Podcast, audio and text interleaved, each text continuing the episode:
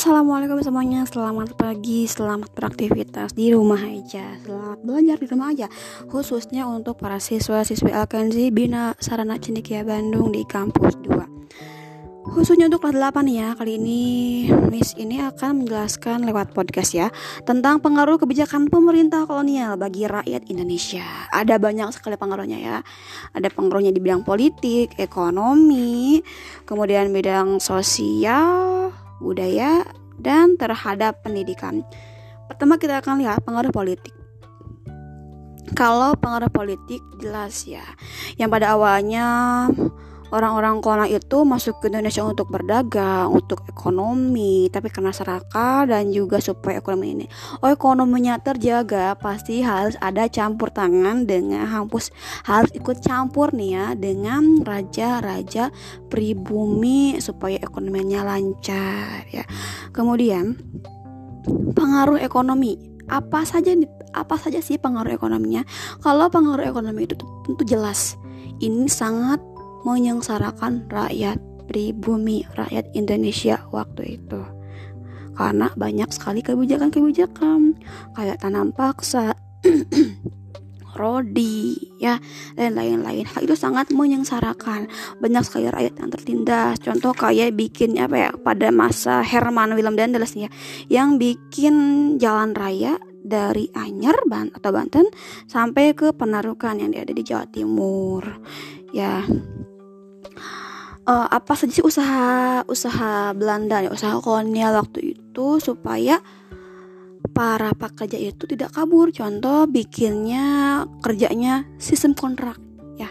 Supaya nggak kabur itu para para kuli ya. Para para pekerja itu ya.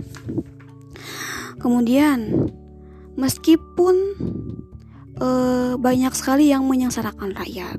Muncul kebijakan nih pada masa Thomas Stafford Raffles yang berusaha menerapkan kebijakan ekonomi liberal yang menguntungkan rakyat dan pemerintah. Tapi pada kenyataannya kebijakan ini tidak dapat dilaksanakan. Akibatnya Raffles pun menerapkan kebijakan-kebijakan kerja rodi dan pemungutan paksa untuk mengisi kas pemerintahannya.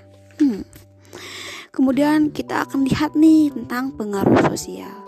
Dalam masyarakat muncul kelompok masyarakat berdasarkan golongan, yaitu kelompok masyarakat Eropa, masyarakat Timur Asing kayak Tionghoa, India, Arab, dan masyarakat pribumi. Next, pengaruh terhadap kehidupan budaya.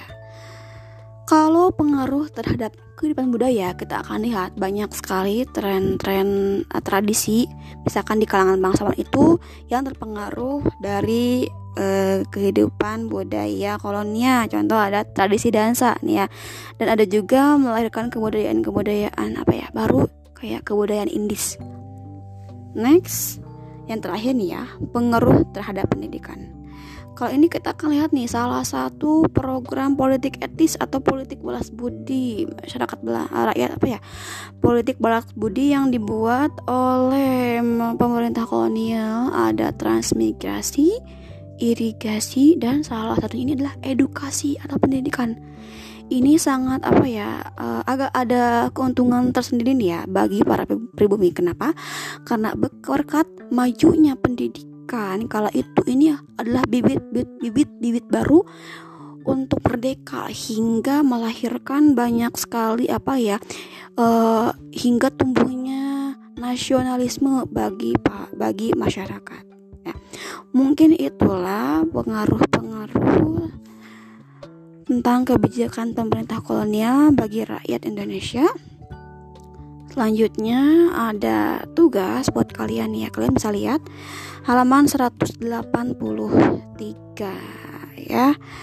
Hasil tolong kerjakan ya di buku tulis ya. Kemudian difotokan, hasilnya telah difotokan kirim ke grup telegram ke grup inget ke grup telegram bukan chat pribadi kemis tapi ke grup telegram dengan mencantumkan nama dan kelas Oke, selebihnya kalau ada yang kurang mengerti bisa chat di Telegram.